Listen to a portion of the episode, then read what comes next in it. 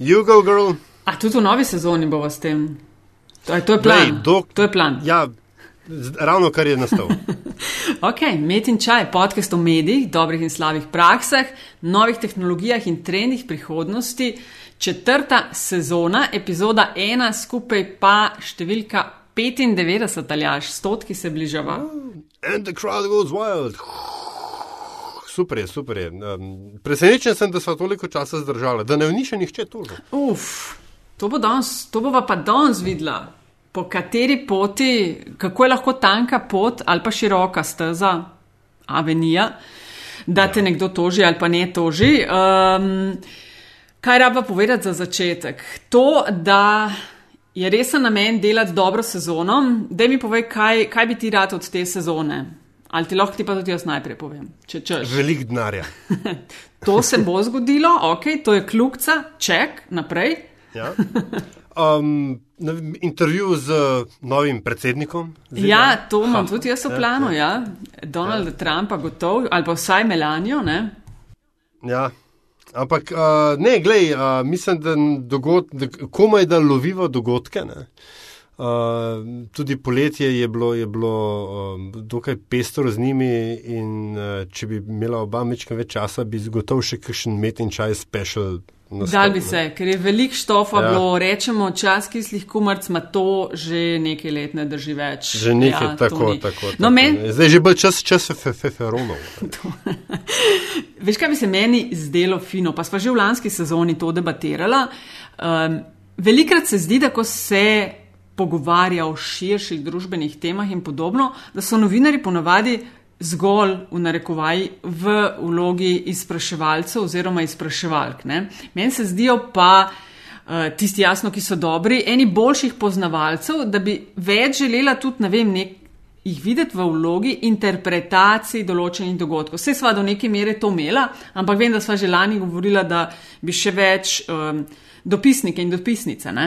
Uh -huh, uh -huh. ki so tisti, ki v, v neki državi živijo in vse, kar se nam zdaj dogaja, ni, se zdi, a veš, da smo mal stran od svetovnega dogajanja, ampak se nas vse še prekleto tiče, čeprav se delamo, da se nas ne. In se mi zdi, da so, so najni kolegi in kolegice, uh, velikih je, mislim, ni, ni jih malke zelo dobro poznajo situacije ali na določene problematike ali dogajanje v določenih državah. Tako da, evo, jaz bi to si mal želela, pa jasno tudi tujine. Pa. Jaz sem glisem to hotel reči, ker- se tujine vem, vem da pač, uh, je to mečken manj popularno, kadar imamo tuje goste, ne? najbrž zaradi moje angliščine, ampak a veš, uh, nismo mi tak center sveta, Ja. kot se nam Ja. zdi. Zunaj se, dobro, imaš recimo urejene evropske države, ki so medijsko, ne vem, ene 15 let za Slovenijo, ne? ki se dejansko pač obnašajo še kot leta, štir, mi leta 94. Ne? Imaš pa pač, veš, države ali pa okolja, kjer so tako, zelo naprej, da, da razne take veš, delitve na, na radio, televizijo, tako da sploh ne obstaja Ja, več, da vse skupaj samo še en medijski miks. Ja, veš. ja. In sploh ZDA so tukaj daleko, daleko naprej. Ni, ni, veš, pri njih se že časniki pobirajo nazaj. Ja, oni ne. so že tam, ja, počasi, točno to. Tako. Uh, tako da meni se to zdi tudi zelo pomembno. Ja. Te, te dobre prakse, ki jih je velika, veš, ki se zdaj se debatira, tako kot si rekel, ni več tega deljenja, ampak je vsebina in kako jo dobro delati, kako jo delati digitalno, prijazno in poslušalcem ali konzumentom. Kako jo, kako jo, plas, tako, kako jo In plasirati. kako jih a veš, Tako. Tako. Uf, sva brihtna. Um, Ja. ja. lej, četrta sezona, um, še vedno naj lahko dobite Ja, ampak ne- na ja, ja, Afna Pengovski, tako, ja, kar- kar Afna povej, DC43 in uh, na Afna Metina lista, hashtag Metin čaj. Če so kakšne pripombe, ideje, komentarji, vse, hvala za vse doslej, hvala tudi za ocene, če najdete čas ja. za iTunes oziroma tiste zvezdice, križce, krožce, bo zelo vesela in zelo hvaležna. Drugač pa to je to, četrta sezona, zelo motivirana, ja. greva naprej. In ker nam gre za klike ne, in eh, vroče sizzling stories, imamo danes prav posebno temo. Ja, to takoj užilo s prvo epizodo. Nataša Pirc Musar živijo. Živijo. Evo, plan, ki ga imava za lažem, je uh, predebatirati primer Melania uh, Trump in uh, še enega, uh, pri katerem si zraven in sicer to je primer Kamenik, ravnatelj ene od mariborskih srednjih šol, ki je pred dvema letoma tragično končal svoje življenje. Uh, da osvežim naj, najprej, kar se tiče primera Melania Trump. Če je koga more biti za obšlo, ameriška predsedniška kampanja zelo živahna. A veste, da je 1873 kandidatov za predsednika. Res je, no, da uh, sistem, kakršen je v ZDA, da lahko postane ta uh, predsednik oziroma predsednica izključno ali demokratka Hillary Clinton ali republikanec Donald Trump in tu vstopi Slovenija. Donald je poročen z Melanijo Knaus, ki lahko postane prva dama in je zato zelo na očeh medijev, zaradi objav nekaterih, da naj bi v začetku svoje manekenske karijere nekaj časa delovala kot plačana spremljevalka. Sem to prav zabeležila. Nikjer ni bilo rečeno ne kot prostitutka, mislim, saj ne direktno, ali ja. Ja, na, na enem od slovenskih blogov, no, ampak mu ne bomo reklame delali. Ok, no, odškodninsko Melanija toži paket medijev, svetovnih in nekaj slovenskih, 150 milijonov dolarjev, uh, politiko Liberal America, lastnike britanskega tabloida Daily Mail, ki uh, jih zastopa Charles Harder, to je tisti odvetnik, k kateremu grejo hollywoodske zvezde in ta isti Nataša, ki je zastopal Halka Hogana v tožbi proti Gokarju. In zdaj med toženimi strankami tudi del slovenske pres scene. Najprej, Nataša, če lahko poveš, kako so prišli do tebe. No, tega vam absolutno ne bom uh, povedala, verjetno niste pričakovali, da bomo odgovorili. Dobro smo štartali. To vprašanje. Um, bom pa anegdoto v zvezi s tem prihranila za konec. No, velja. Morda samo še to, ne? kolega Charles je res eminenten ameriški odvetnik, ki ni zastopal samo Halka Hogana med njegovimi strankami, so Susan Sarandon, Sigurni Weaver, Sandra Bullock in tako naprej. Tako da um, res, res ima imenitne reference no, in je užitek sodelovati z njim. Okay, ampak... okay, preden, uh, preden mi začnemo za res, ne, te seveda moram še vprašati, a te plačuje Peter Thiel? Je, ne? ne bi financiral to tožbo proti Koharju. Ne? ne, ne plačuje me on. Ah, ok. Uh, no, ampak si, kdo je tebe najel konkretno? Uh, tile v Londonu, ker Melania je najela tega Charlesa Harderja, če prav razumem, uh, in v Evropi jih zastopa neka londonska firma. Ali so oni direkt s tabo ali je ta londonska firma s tabo? Mi vsi trije skupaj sodelujemo, drugače imam pa jaz direktno pooblastilo od gospe Melanije Trump. Aha, pa si govorila z njo, ok, to mogoče lahko poveš, ali ne? Uh, Sveda sem govorila z njo, drugače ne bi mogla delati tega, kar delam. V slovenščini? Absolutno v slovenščini in zelo lepo govori slovensko. Ok, no, vi ste, tvoja odvetniška firma je objavila sporočilo za javnost, v katerem ste dali vedeti, da uh, jo zastopate, da pregledujete članke in se odločate naprej za tožbo. Lahko malo več poveš, kaj v bistvu je tvoja naloga. Ti si bila najeta, da narediš, izpelješ kaj. Koga ti konkretno, oziroma tvoja firma, uh, toži?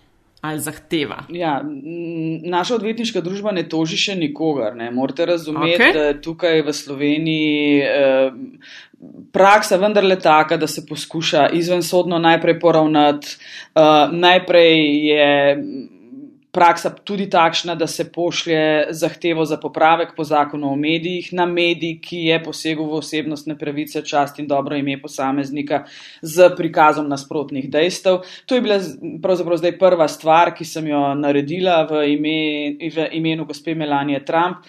Mi smo zahtevali popravek v reviji Suzi, ki je vir v bistvu teh uh, laži in neresnic, da naj bi gospa Melania Trump delala kot spremljevalka. Mm, uh, se pravi, ti. Čaki, se pravi, epic, vprosim, epicenter svetovnega, jaz bom to, ta izraz uporabil, klaster faka okoli te, te, te teze, ne?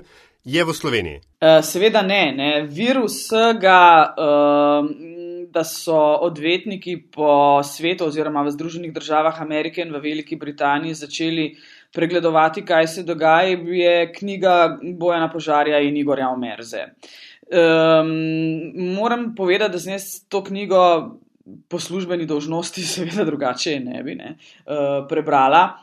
Uh, dej, dej, dej, dej, dej, dej. Uh, No, ali jaš, verjemi mi, take knjige niti na plaži ne berem. Uh, ampak v redu. Um, in v tej knjigi avtorja uh, ne namigujeta na prostitucijo, samo v enem stavku nekje je zapisano, da so manekenke morale hoditi na večerne zabave. Tako da, kar se tega dela tiče, um, tožbeni zahtevki niso usmerjeni proti tej knjigi. Prvi vir, ki smo ga s kolegi ugotovili, da je začel pisati o teh neresnicah, je revija Suzi. In na tem mestu morda slovenska revija Suzi. Mhm, morda, to je kaj priloga ali nekaj takšnega slovenskih novic, oziroma časopis na hiša delo. Ne? Tako je, tabloidni časopis ja. uh, oziroma revija uh, časopis na hiša delo. Um, tukaj bi rada želela povdariti sledeče. Ne? Se mi zdi, da se naši mediji v tej zadevi, pa morda tudi v kakšnih drugih, premalo zavedajo, da so lahko in tudi so na očeh svetovne javnosti in da so lahko vir informacij, ki jih seveda potem povzemajo tudi drugi svetovni mediji. In zgodilo se je v tem primeru točno to. V reviji Suzi je bil članek objavljen, mislim, da 5. augusta, 14 dni kasneje je bila zgodba z še več natovcevanji in neresnicami zapisana v Daily Mailu. Uh, če lahko rečem, sreča revije Suzi na nek način je, da ta revija nima spletne izdaje in torej nima te globalne razsežnosti, zato bomo to revijo seveda tožili v Sloveniji. Daily Mail pa ima to nesrečo, ne, da je m, mm, prisoten seveda tudi na spletu in uh, bo deležen um, seveda hudih, hudih tožbenih zahtevkov strani um, ameriških in britanskih kolegov. Mm -hmm. Ampak ti imaš čez zgolj Suzi. to revijo Suzi, uh, nič pa s tem, da, uh, pak, da je v celotnem paketu, ki se bo tožil, tudi knjiga, ki sta jo napisala Požarino Merza. Ne, jaz z Bojanom Požarjem in Igorjo, Igorjem Omerzo nimam popolnoma nič. Z njim se ukvarja ta britanska in ameriška pisarna zaradi seveda globalne distribucije te knjige. Veš, kaj mi je hecno, kako so, sem to mogoče še aljaš, kako so oni prišli do ene revije Suzi, če ni na spletu, pa je samo tiskanje izdaje, iz, verjetno je pa v, v izvodi glih par tisoč. Mm, ja, to je pravzaprav zanimivo vprašanje. Ne? Zdaj obstajata dve možnosti, ali je nekdo sporočil na Daily Mail, ne bom ugibala kdo in se je potem Daily Mail za to zgodbo začel malce bolj zanimati. Uh, se pravi, ne glede na to, da ni spletne izdaje, je seveda tukaj eklatanten dokaz, da gre informacija kljub temu lahko zelo hitro preko meja Slovenije. Um, dej, Nataža, Pirc, Musar, uh, to mi zdaj povej, um, ko so v bistvu soočeni, ali pa zdaj smo nekako um, vsi skupaj ne, soočeni z nekim primerom, uh, kaj, a, a je to pač tožbe za kleveto, ali kakšni, kak, kaj je to za strokovni izraz.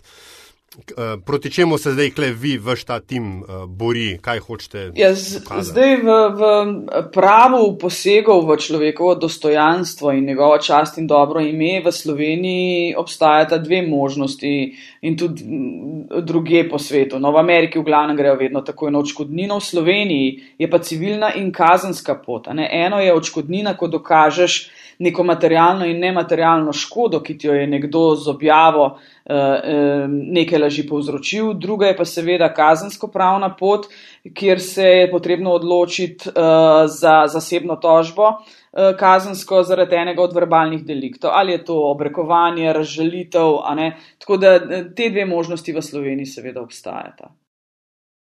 Zdaj, namreč internetne, internetne modrosti pravijo, ne, da je da so to vrstne tožbe v Sloveniji relativno redko uspešne. zdaj bodi si civilne, bodi si kazenske, da pa je recimo stvar, po, po, pa me boš popravljal, če sem o tem, ampak uh, menda pa ne bi bilo v Veliki Britaniji ta pač um, libel law, ne, da bi bil pa zelo uprit tožnikom. Tistim domnevno razžaljenim. Ja, a so kle razlike in kako jih ti opažaš, kako to vpliva na delo vašega tima na koordinacijo? Razlike so seveda enormne med anglosaksonskim in kontinentalnim pravom, kateremu pripada Slovenija. V anglosaksonskem pravu, bolj izrazito je to seveda še v Združenih državah Amerike, tudi v Veliki Britaniji te očkodnine ne dosegajo tako astronomskih višin kot v Združenih državah Amerike. Ampak kontinentalno pravo ne pozna tako imenovanih kaznovalnih očkodnin, to so punitive damages. V Sloveniji je vedno potrebno dokazati konkretno nematerialno in materialno škodo, in nimamo kaznovalnih odškodnin, in zaradi tega ne, te višine, te zneski v Sloveniji niso tako vrtoglavo visoki kot v Združenih državah Amerike. To seveda je, rekla na nek način, eh, eh, problem kontinentalnega prava, s katerim se odvetniki, pravniki seveda soočamo, ehm, ampak ne glede na to, jaz še vedno menim, da. Uh, tudi slovensko pravo, očkodninsko, uh, zna in zmore presojati, kdaj je nekomu poseženo v njegovo čast in dobro ime, torej kdaj je nek medij šel predaleč. Največji izziv pravnikov in odvetnikov na področju medijskega prava in posegov v osebnostne pravice je pravzaprav kako in kje postaviti medijem meje. Zdaj ali resnim ali rumenim. Jaz sama nekako imam v glavi razdeljeno definicijo, kje postaviti mejo med nekim resnim tiskom in rumenim tiskom. Ne, zdaj, resni tisk se bo seveda vedno vprašal, ali je neka objava v javnem interesu. Treba je dokazati, da neka zgodba razkriva neka ozadja, neko korupcijo, kaznivost, uh, da prikažeš posameznika, ki javno govori nekaj, zasebno počne nekaj drugega. Tudi to je lahko še v javnem interesu. A vidite, rumeni bomo rekli, tabloidni tisk se pa največkrat ne ukvarja s tem, ali je nekaj v javnem interesu ali ne, ampak se ukvarja zgolj s tem, ali je nekaj interesantno za javnost. Zdaj upam, da ste razumela to igro beseda. Ko preskočiš ti v polje zgolj interesantnosti, preprosto nisi več resen, morda lahko uporabim tudi izraz kredibilen tisk, ampak zgolj želiš zabavati javnost, jo šokirati s tem, da objavljaš neke pikantne podrobnosti iz življenja posameznika, ki nimajo nobene zveze s tem, kar ta posameznik v življenju počne. Ampak to pomeni, da za. Pa zdaj ti polagam besede v usta, ne? da so novinari, in kvot, resnih medijev podvrženi drugačnim pravnim vatlom ali pa drugačnim interpretacijam kot uh, novinarji ne, tabloidnih medijev. Ne, ne bi smeli biti. Ne. Sodišča morajo enako presojati besedo, zapisano v resnem ali v eh, rumenem tisku. Ampak tukaj sem želela samo pojasniti, kako in na kakšen način novinari razmišljajo, ko pišejo. Ko zadeva pride na sodišče med resnim in rumenim tiskom, kar se tiče besede um, izrečene proti posamezniku, ne bi, ne bi smelo biti razlik in tudi jaz jih v bistvu ne opažam. In res pa je, da si nek resen tisk, seveda, absolutno ne bi privoščil um, pisanja o ne vem, spolnih igricah Maxa Moslija, če se spomnite, to je uh, uh mhm. -huh. gospoda iz, iz uh, sfere Formule 1, Britanca. To je bil velik, velik, zelo odmeven primer v Veliki Britaniji, ko so pokazali, če se spomnite, spomnite neke orgije iz uh, ene savne, čisto zasebna zabava, namigovali, da so se šli celo na nacistične seksualne igrice. News of the World, zelo, zelo eh, razupit eh, britanski tabloid. Ki ga ni več. Ki ga ni več, ne, tudi vemo zakaj, ki je objavil to zgodbo, uh, je seveda plačal. Um, 60 tisoč funtov odškodnine, kar je bila doslej, mislim, da najviše prisojena odškodnina v Veliki Britaniji za poseg v osebnostno pravico posameznika. Skratka, Max Mosley je iztožil v Veliki Britaniji, da to, kar on počne v privatnem življenju, nima nobene povezave z njegovo, rekla, kolikor toliko javno funkcijo in um, je pač to očkodnino dobil. Uh, je pa ta primer, če mi dovolite, mogoče še par besed zanimiv tudi zaradi tega, ker je Max Mosley kljub temu, da je dobil prisojeno očkodnino na britanskih sodiščih, sprožil spor pred Evropskim sodiščem za človekove pravice in želel dokazati, da uh, britanski pravni red. Kar se tiče varovanja dostojanstva, človekovega dostojanstva, ne spoštuje Evropske konvencije za človekove pravice v tem segmentu, da bi moral tudi rumeni tisk uh, ampak katerikoli tisk, preden objavijo neko takšno zgodbo, posameznika o tem obvestiti. Zakaj je to pomembno? Če bi posameznik zvedel, da se nekaj takšnega pripravlja, bi lahko dosegel sodno odredbo predhodno že za prepoved objave članka, ker tako kot je uh, pravzaprav rekel Max Mosley kasneje, a ne potoči zvoniti je žal prepozno, ko je enkrat v uh, v sfero interneta in po celotnem svetu neka informacija razširjena, ko, ko, ko ta doseže deset tisoče, sto tisoče, milijone bralcev po, po, po vsem svetu, kar glede na masovne internetne medije danes ni nič neobičajnega, ne, je uh, naknadna dosoditev škode, potem, ko je ta posnetek videlo že na milijone ljudi, pravzaprav ena, en, en, en majhen obliž na rano. Uh, prepoved objave bi seveda dosegla bistveno večji učinek, da, da torej ta informacija v medije sploh ne bi prišla. No, ampak tukaj pa je zanimivo, da je Evropsko sodišče za človekove pravice reklo,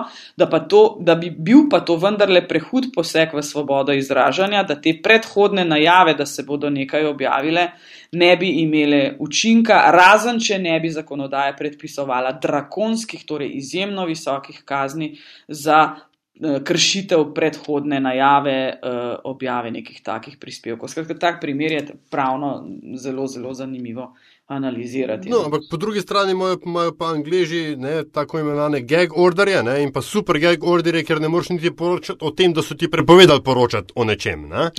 Uh, politika se ja. zelo veliko ja. velik s, s, s tem ukvarja. Ampak, gled, mogoče še nekaj. Ti zdaj pač zastopaš interese Melanije Trump v Sloveniji in se ne, ne, te ne bom prosil, da se postaviš v vlogo, uh, recimo, kakšnega drugega novinarja, recimo tožene stranke. Ampak smo pa imeli zadnje čase v Sloveniji kakšno tudi mečem čudno obsodbo novinarja, ki je bila potem na višji stopni razveljavljena. A so po tvoji oceni uh, slovenska nižja stopenska sodišča postala bolj pogumna v, zem, pogumna v narekovajih, v obsodbi novinarjev, ali so novinarji, uh, imamo ne, uh, neko na, nadstandard zaščite, zaščite pred sodišči? Um, jaz upam, da oba razumeta in tudi vajni poslušalci, da se seveda tudi v pravu stvari s časom spreminjajo. To, kar je bilo vem, leta nazaj eh, drugače, da so bila sodišča zelo, zelo previdna pri posegih, pri odločanju o posegih v zasebnost, da so bile sodbe, pravzaprav, ko je nekdo z besedo. Eh, nekoga užalil, mu povzročil škodo, eh, redke, tako kot si na začetku omenil. Se mi zdi, da se danes slovensko sodstvo vse bolj zaveda tudi vpliva modernih informacijskih tehnologij na posege v zasebnost. Danes, veste, napisati en članek in ga objaviti v reviji ni edina stvar, ki jo mediji naredi. Danes se ta isti članek seveda objavi še na internetni strani in danes potem pod tem člankom, ki je objavljen na internetu, uh, sa, sama zelo dobro veste, ne, doživite pravo kloako svinjanja proti nekemu posamezniku na, na forumih. Vse te stvari seveda vplivajo na večjo intenziteto posegov v zasebnost posameznika in jaz sem prepričana, da tudi intenzivnost posegov, ne samo enkratna objava v tiskanem mediju, je v zavesti sodnikov, ki seveda tudi znajo, predvsem te mlajši, uporabljati moderne tehnologije in vedo, kaj se lahko dogaja na Twitterju, Facebooku in na forumih uh, velikih spletnih časopisov, in da je vse to nekaj, kar seveda tudi spreminja, bom rekla, neko prakso slovenskih sodišč v smer, da so bolj dovzetni za to, uh, kako lahko neka objava Eh, prizadene posameznika in kakšno škodo mu seveda lahko povzroči. Seveda so tudi kolegi odvetniki um, v tem uh, vse bolje izverzirani in vedo, ne, da uh, zaradi tehnologij seveda danes intenziteta posegov absolutno rekla, nesorazmerno glede na tiskano verzijo narašča. Nataša, ko ste kontaktirali Suzi, kakšen je bil odgovor? A ste kaj dobili odziva? Suzi smo zdaj v teh dneh urejali pravico do popravka. Moram reči, da so bili v tem delu zelo korektni. V petek bo popravek v reviji Suzi objavljen. Naslednja faza je pa seveda pogajanje glede uh, očkodnine in morebitnih tožb. Tukaj pa res ne morem govoriti nič, ne mi zameriti, ker smo v fazi pogajanj. Se pogovarjamo, torej niso vrata zaprta. V vašem tiskovnem sporočilu ste napisali med drugim tudi, da je Melania razočarana, da slovenski mediji širijo te informacije, pa me je to takoj spomnilo na moje obdobje dopisnikovanja v Združenih državah. Melania je tam že od 96-95, se pravi 20 let. In vem, da smo se v mojem obdobju tudi zelo trudili, da bi uh, vsi dopisniki, skoraj se mi zdi, da bi dobili intervju z njo, uh, pa nekako nismo uspeli niti blizu zraven prid. Eh, odgovor, ki je nekako krožil, je bilo, da zaradi pisanja tabloidov že takrat je uh, tako rekoč prekinila stike s slovensko medijsko sceno. Hecno se mi zdi, no tudi zaradi tega, ker prihaja milijon enih informacij o Melani na plan, pa je 20 let zadnjih 20 let, tako rekoč v tem pogledu Slovenija, delete file za njo. Ne? Tako da uh, si mislim, da gre za zelo velik, predvsem nepreverjenih informacij. Uh, kar mene zanima pri tej tožbi, konkretni, je uh, pač na čelu te celotne odvetniške ekipe, ki. To vodi odvetnik, ki je pomagal, ki je zastopal Halka Hogana proti spletnemu velikanu Gokar. Ja. Oni so dobili tožbo 140 milijonov, Gokar je bankrotiral. Uh, je pa hišni odvetnik od Gokarja rekel, da people should be allowed to speak freely and openly and say what they think. Kar mene tukaj zanima je, da po eni strani, ok, javne osebnosti pa gre marsikaj skozi, ali pa moraš marsikaj požreti, tudi sama veš, kar recimo za v narekovajih običnega državljana in državljanko ne velja. Po drugi strani pa, recimo jaz ne bom načokala za gokarjem, po drugi strani pa za 140 milijonov. Eh, težav psihičnih zaradi objave tistega posnetka ne, in je šel medij v bankrot. So lahko takšne odškodnine tudi kot neke vrste malo samo cenzura. Ja, takšne odškodnine lahko mediji, bom rekla, dobi zgolj v Združenih državah Amerike. In še enkrat, ne, tukaj si mogoče mečkam napačno rekla, tukaj ne gre za to, da bi bila neka nematerialna škoda visoka, vredna 140 milijonov dolarjev, ampak gre za kaznovalno očkodnino, ki jo pozna ameriško pravo. In tukaj je pri njih recept seveda preprost. Bolj kot je znana oseba, više je kaznovalna očkodnina. Sploh ne gre za to, koliko je on tam uh, imel neke ja, nematerialne in materialne škode. Ja. Itak je to upravo težko dokazovati. Ja. Koliko je nekdo trpel ne, in zakaj je trpel. Spomnite se, uh, mislim, da je bilo pr. pr um, enem primeru, je bil v Sloveniji Marjan Podobnik, ko je moral celo na sodišču dokazovati.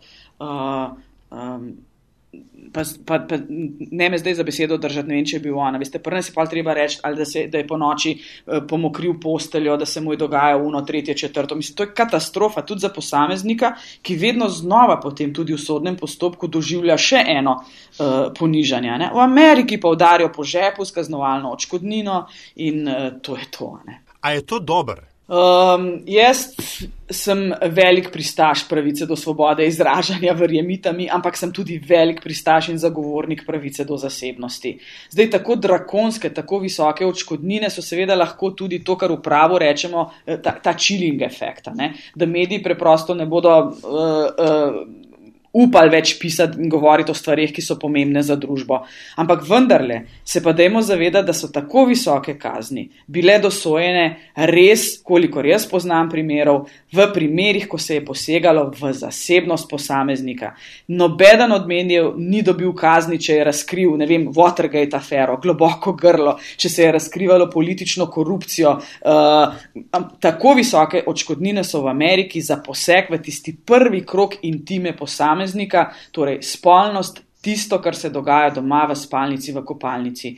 In jaz sama veliko krat rečem, ne, ni ga človeka na tem planetu, ki bi imel zasebnost enako nič. Pa naj bo to gospa Melania Trump, Hulk Hogan ali pa Nataša Briški ali Aljaš Pengov. Je čisto vse eno. Nihče ni brez zasebnosti. Res pa je, da se za znane osebnosti, v pravo jim rečemo uh, absolutne ali relativne javne osebe, da se ta vdor v zasebnost v drugem krogu zasebnosti, torej v tistem krogu, ki se dogaja izven tvoje hiše, izven spalnice in kopalnice, da se vdor lahko bistveno za takšne osebe seveda poveča.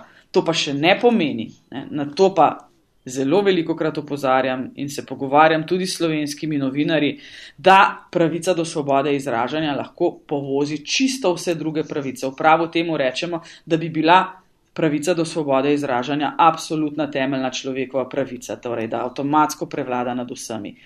Pravica do svobode izražanja ni absolutna temeljna človekova pravica, ampak je relativna. Kaj to pomeni? Pri relativnih temeljnih človekovih pravicah je treba vedno paziti na pravice drugih. Torej, pravica do svobode izražanja je omejena s pravicami drugih, ljudi v tem primeru največkrat s pravico do zasebnosti.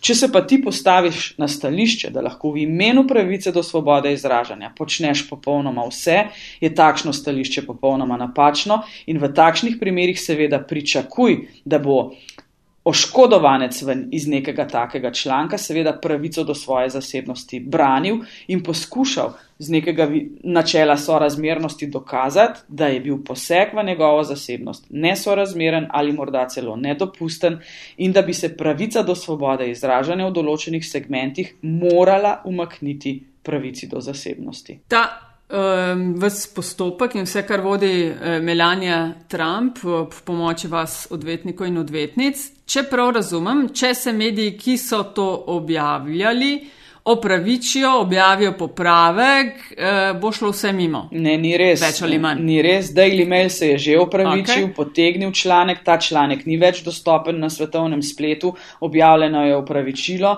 Kljub temu okay. se seveda tožba, tožbeni zahtevek proti Daily Mailu pripravlja in kolega Charles je povedal Aha. tudi že višino. Aha, koliko ne smemo povedati? Ne, ne, se mislim, da je javno povedal, da je 150 milijonov dolarjev, 140. A ja, to je tisto, to spada. Ja, ja, ja. ok, 150. Ja, ja, ja. Uh, ok, ali jaš imaš ti še kaj v tem primeru, ali ja. grevaš na kamenik? Ne, se, recimo, da bo to en prehod no, ne, dej, dej. Na, na primer Marborskega vrnatla. Uh, v bistvu par tehničnih stvari me zanima. A v slovenskem pravu ali po slovenski pravni praksi ne, obstaja minimalni standard, za, za, ki recimo pokrije v narekovaju novinarsko poročanje. A je recimo, če novinar objavi neresnico, misleč v dobri, v dobri veri, da gre za resničen, resničen uh, podatek, a je to dovolj? Ne, seveda ni dovolj. E, mi smo vse prevečkrat priče v slovenskih medijih in tudi v zavesti novinarjev se mi zdi to preveč ukoreninjeno, da če bo v nek članek napisal, e, govori se, naj bi, a ne to jih ne ekskulpira odgovornosti. Um, novinar se bo rešil svoje odgovornosti najlažje seveda na ta način, da bo dokazal, da je tisto, kar piše, res. Uh, največkrat se v takšnih primerih, ko se izve za neke žgečkljive, bom rekla, informacije, uh, sploh ne preverja pri nasprotni strani. Um, ampak se preprosto stvar objavi in greš v nek gambling. Ne? Tudi v primeru Maxa Moslija je, je News of the World šel v, v, čisto, v čisto igralništvo, v kockarstvo. Ne? Recimo, mi bomo to informacijo objavili in na drugi strani lahko pričakujemo takšno in takšno tožbo. To isto se je recimo na Daily Mailu dogajalo ko sem bila jaz na praksi v Veliki Britaniji, uh, na, na Reutersu in Sky Newsu, smo se seveda pogovarjali tudi o tisku, čeprav sem tam študirala televizijo. No in takrat je bila zelo, zelo aktualna zgodba Michaela Douglasa in Catherine Zita Jones, mislim, da sta bila sveže poročena, nekaj par let poročena takrat.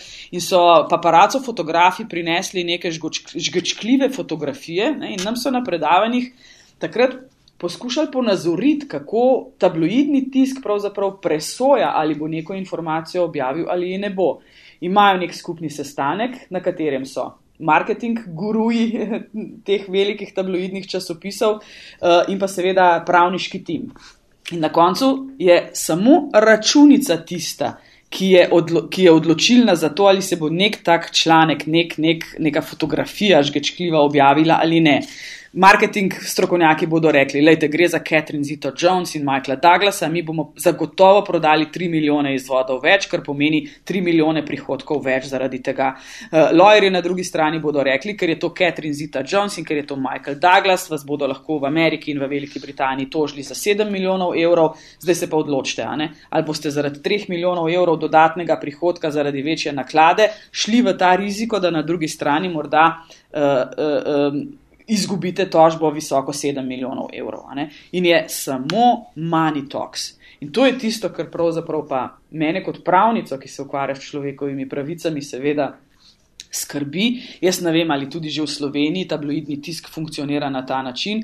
V takšnih primerih se na človeka popolnoma pozabi. Ne pozabiti na to, da je. Veliko krat povem ta stavek: beseda kot kamen, kamor pade, pusti sled. In nikoli ne boste, ne vidva, ne vajni poslušalke in poslušalci, vedeli, kako to lahko boli, dokler se ne bo zgodilo vam. In samo to je treba imeti v neki zavesti, da je beseda orožje.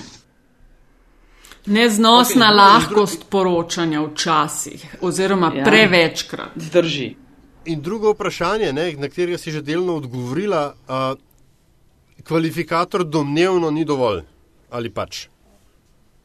Domnevno se je zgodilo. Ne, je ne. Lejte, to se je najlažje, boste rekli. Ja, vse smo samo slišali. Oprostite, to ni neka gostilniška debata, to je objava v mediju. Če si slišal, preveri informacijo, se poglobi v zgodbo in napiši zgodbo, ki bo brez pogojnikov. Ne, če, če boš pisal v pogojniku, te to ne razbremeni odgovornosti in če nimaš dovolj dokazov, če misliš, da, da, da, da ne boš verodostojen, da si na meji laži in nepreverjenih informacij, potem se upravičujem, zgodbe raje ne objavi.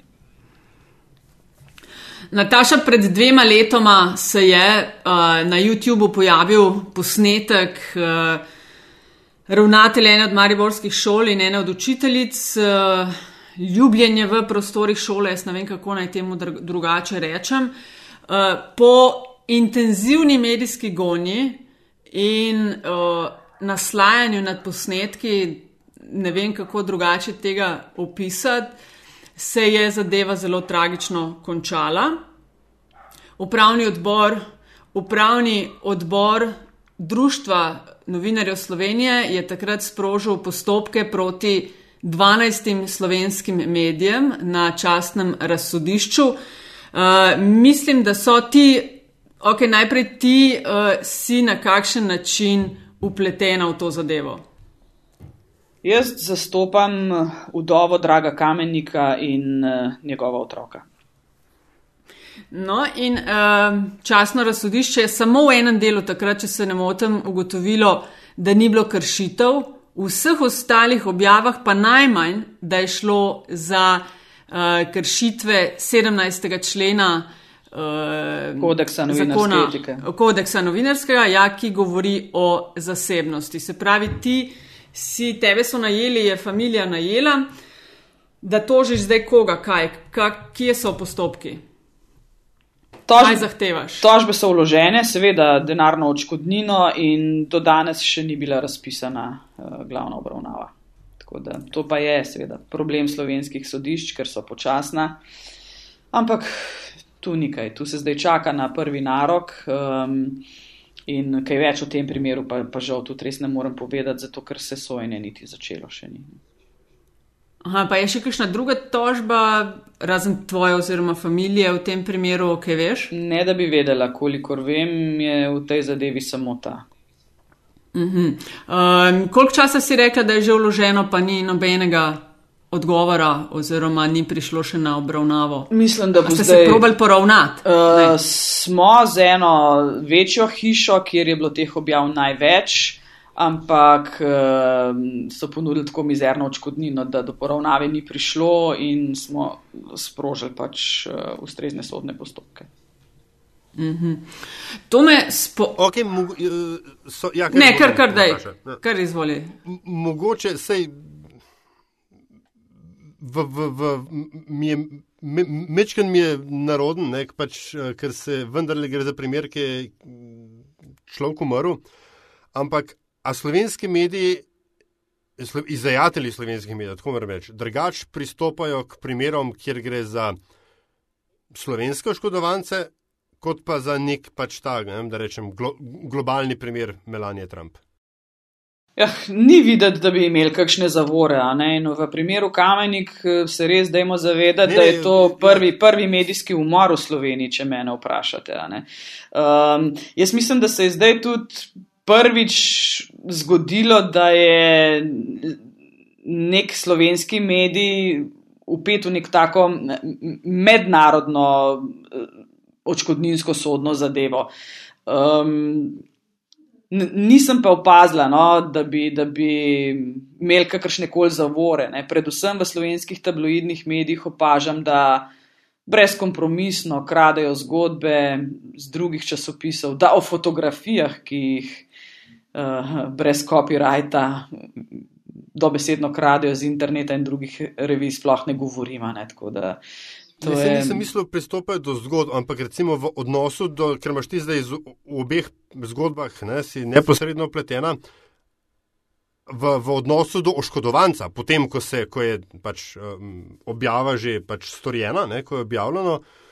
A, a, a, a, gledaj, zelo poslovno povedal, a so bolj cviknili pri Melani ali pa uh, uh, ravnatelju Kameniku? Ja, to je zdaj v bistvu ja, tako nehvaležno vprašanje. Ne? Niti ni. Ja. Um, pa se ne gre za to, ni pravi izraz, no, cvikno, veš, da bi, da bi zdaj tle kdo kaj se bava. Uh, enostavno bodo, bodo morali pretehtati, koliko argumentov imajo za to, da bodo dokazali, da je bila javna objava skladna z na koncu, če hočeš, Evropsko konvencijo o človekovih pravicah in so razmerna z, z tem posegom v zasebnost posameznika.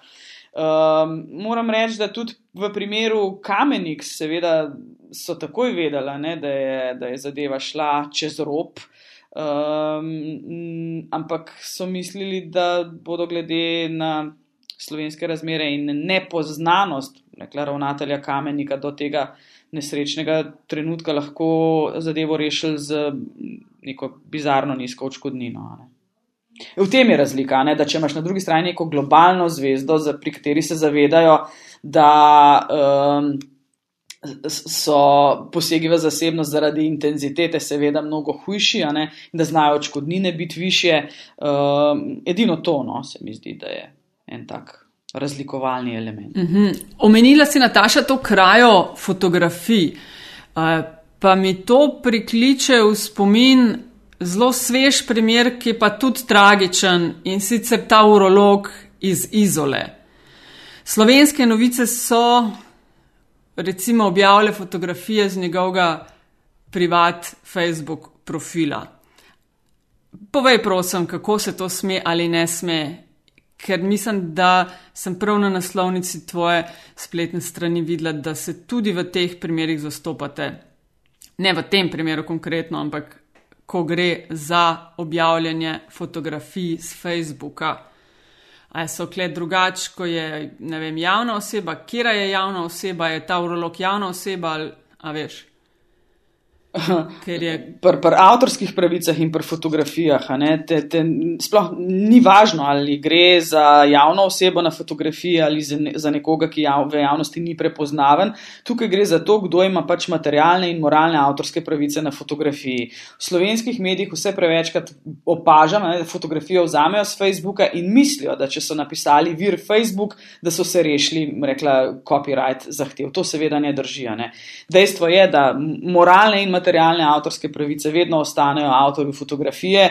Uh, res pa je, da ima. Da je, Facebook privacy policy, torej politika zasebnosti, napisana tako, da so uh, materialne avtorske pravice prenešene tudi na Facebook. Uh, v, v, v to dvoje pomeni, da nihče javno, brez dovoljenja ali Facebooka ali avtorja fotografije, fotografije ne bi smel kar prenesti na svojo spletno stran ali medij. Se pravi, če nekdo vzame iz tvojega Facebooka fotografijo, ki si jo ti objavila na Facebooku, ki je recimo in je moja lastna. Profil, ne, ja in je tvoja in jo vidiš naslednji dan v enem od slovenskih medijev, imaš, ok, itak vso pravico, da tožiš, ampak lahko dejansko dobiš, ker to je v Sloveniji tožmo že, dobi se pa, ne vem, a se velik.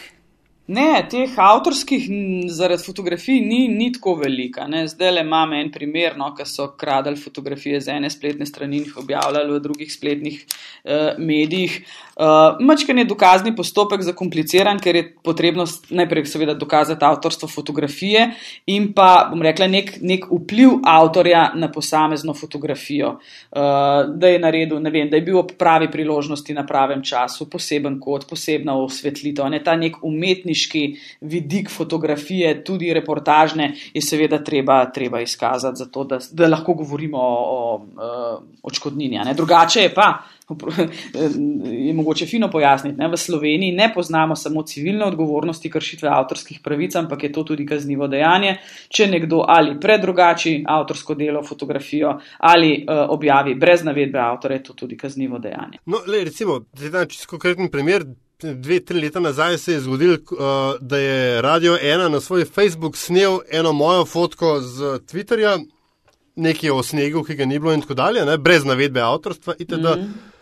Uh, pa smo se malo pač, uh, dobacivali, ne, kdo, pač, uh, pa malo so proječvali ta isti sistem. Mislil sem, da je Facebook, la, la, la, ja, ja. uh, Jaz sem na koncu rekel, da mi dajo za pivo, do katerega se še nismo prišli, ampak bi zaradi ene fotografije, a, a veš, a rabimo, a rabimo uh, uh, serijo takšnih dogodkov ali je dosti recimo en primer, pa da če bi bil zelo jezen, da bi šel v ne vem, celo kazen. Ne, dovolj je en primer, ne? vsaka fotografija je avtorsko, samostojno avtorsko delo.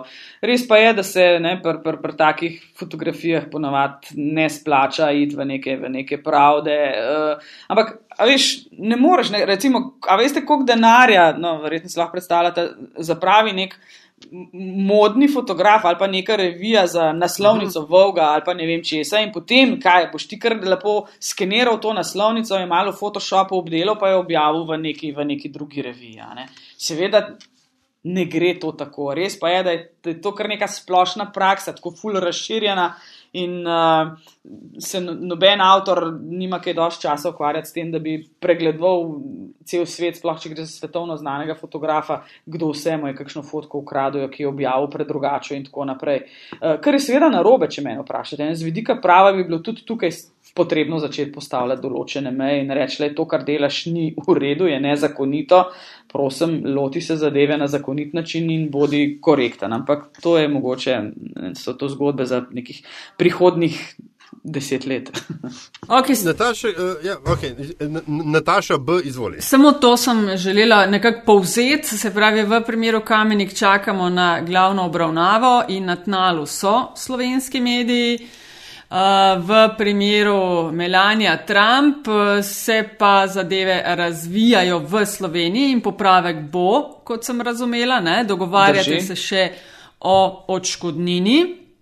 Zdaj pa glede na to, da ti nimaš uh, čez, ker za Slovenijo se toži Suzi plus avtorja knjige in založba, da ti nimaš čez tega drugega dela, kako lahko pol, a bojo, ne vem, Britanci pol odločili, ali sta, ali v tistem sta tudi odgovorna ali neodgovorna, kdo jim bo zdaj prsolo, uh, če se izkaže kakšno kazen. Kje so to pelali? Združene države. Se verjetno ne more, ker. Mislim, ampak se verjetno ne more, ker. Ok, ampak se verjetno ne more, ker nekdo pač, ne vem, londonski ali kjerkoli odvetnik, pa naštezemo pa te tožli, pustimo zdaj uh, odgovorni, neodgovorni, krivi, ne krivi in kdo jim pol da a veš, določi kazen, kje so, ne vem, ali suverenost Slovenije ali kaj zvem, kje. Ne, ne, ne, ne. tukaj, tukaj sploh ne končajo. Tukaj ni krajevna pristojnosti slovenskih sodišč. Krajevna pristojnost slovenskih sodišč je zgolj za revijo Suzi, uh, zato je tudi bila najeta naša odvetniška pisarna, ker ni internetne distribucije ne? in je treba tožiti uh, na lokalno izdajo. Uh, če govoriva o knjigi Bojana Požarja in Igorja Omerze, sem pa že prej omenila, da gre za globalno distribucijo, prodaja se na Amazonu, ne vem, kje so se promocije bile delane in uh, bo krajevna pristojnost seveda izven Slovenije. Ok, Aljaš. Um, Um, ja, hotel sem še to. Um, aj, zdaj malo tako filmsko razmišljam, ne? ampak veš. Um, Potem, v, v, v, vsi veliki filmski sodni primeri se potem ponavadi zvedajo na, eno, na en detajl. Veš, ali je Jack Nicholson odredil Code Red ne, v Few Good Men ali ne, ne in potem to prizna v, v sodni dvorani. Skratka, v hipotetičnem primeru, da s tožbo proti reviji Suzi oziroma eh, izdajateljski hiši ne uspete, ali se primeri na, potem naprej ne, v, Londonu, v ZDA, kjerkoli, a se sesujejo ali je to nepovezano? Ne, to je nepovezano, predvsem zaradi tega, ker morate vedeti, da tisto, kar je objavil Daily Mail, je nadgradnja zgodbe iz Suzi. Oni so objavili še več, oni pač odgovarjajo za svojo vsebino. In, in, in tudi okay, dokazni ja. postopek bo po, na obeh sodiščih potekal popolnoma ločeno. Ne? Res je, da bomo, odvet, da bomo kolegi med sabo ja. povezani, da se bomo obveščali in, in si širali dokaze. Uh, in to je to. Bolj verjetno ne bo zdaj pred sodno palačo cel kup kombijev s satelitskimi povezavami, ki bodo uživo poročali. Jaz upam, da ne. Jaz, jaz vendarle upam na mirno rešitev spora. No. Mirna rešitev je pa, okay. poleg popravka, še odškodnina. Ja. Uh, prav, ali jaš jaz uh, zaključila, gremo k zanimivosti? To sem hotel vprašati, Nataša Pircmusar. Kako si ti zdaj sploh pristala v tem uh, medijskem pravu, v teh, v teh litigationih, ker v zadnjih kaj, dveh ali nekaj letih smo te v ene par zgodbah videli, v eni ali dveh si bila zelo umetnem čaju. Ja, uh, le, naša odvetniška pisarna uh, dela mrsikaj ne? in, in nekako to moje znanje z področja prava zasebnosti in pravice do svobode izražanja je seveda znanje, ki ga v odvetništvu lahko uporabiš. Odvetništvo je na koncu obrta, veste, naštudiraš postopek. Važno je, kakšno znanje uh, nek posameznik prinese v odvetništvo. In jaz nisem nova v teh stvarih. Jaz sem se s temi zadevami že, kot, uh, že prej na svoji prejšnji funkciji ukvarjala, seveda sledim, kaj se na tem področju dogaja. Delala sem v medijih in te stvari me tudi zanimajo no, in jih študiram v detajle. Ni, ni na ključe, no, da delam te stvari. Konc Nataša Pol za zgodbo RTV, ne greš več aktivno, ja, ker smo že pri, smo pri tem. Pri odškodninskih tožbah. ja. ja. No, tukaj lahko vendarle. Kje smo tam? Nikjer. Popolnoma nedostojno je, da se od zadnje odločitve vrhovnega sodišča, da se revizije ne dovoli v tem postopku, da je torej eh, velja sodba sodišča druge stopne, ki je že itak takrat bila pravnomočna, se meni ni oglasil še nihče. Nič. Nič. Jo, nič. Ne, sej. Nič. Ampak v redu. Koliko časa ta nič lahko traja? Uh, čim daljš, tem boljš za mene. Števc dela ali kaj? Exactly. Ja, lej, če bom, bom dobil višji prispevek, RTV prispevek, pa vem zaradi koga. Nataša, ja, evo, pri, pri zgodba, zgodba pa, ja, še, še odgovorim Nataša na to vprašanje. Zgodba za RTV je pa za me zaključena, mene ta zgodba ne zanima več. Jaz jim želim vso srečo, če želijo imeti status quo v tem javnem zavodu, naj ga imajo.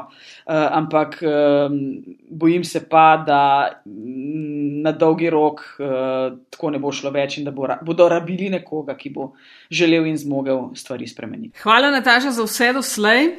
Uh, Met in čaj tudi v četrti sezoni zaključujemo z zanimivostjo, ki je povsem po izboru gosta oziroma gostje, ki je pripravljen recimo z nami deliti nekaj, za kar morda ocenjuje, da ne ve veliko ljudi, pa bi jih znalo zanimati in biti interesantno, ko smo prej govorili interes javni, pa interesantno. Se se boš naučila, ja vidim. Več ja, me boš poslušala, bolj ti bo jasno. Ja, no, morda ena ja. zanimivost. Sej, tvajni poslušalci in poslušalke seveda vedo, da sem na Twitterju, tudi videla sta oba na Twitterju. Tam so včasih kakšni zanimivi dvoboji in tale zadnji z Bojanem požarjem je pa res nasmejal. No. Bojan požar je namreč napisal, ne, ja, da se govori, ne, da sem celo sama pisala Donaldu Trumpu in se ponujala za odvetnico družine Trump. Um, lepo prosim, nazaj sem mu samo odgovorila, ali je možno da si res tako naiven. Skratka, na ta način se seveda posla ne dobi, da pišeš gospodu Donaldu Trumpu in se mu ponuja. Ok, hvala. Prosim. Nataša, um, kaj se reče ob koncu? Hvala, ker si bila z nami in si bila pripravljena povedati uh, ta del zgodbe, pri katerih uh, ti sodeluješ. Uh, prosim, hvala za povabilo. No? Naj pravica zmaga, čigava koli. Drži. In, podpi I, I, I in, in podpišem. I, I dost, ja, dost, podpišem. Hvala, Nataša. Okay, Prosim. Hvala.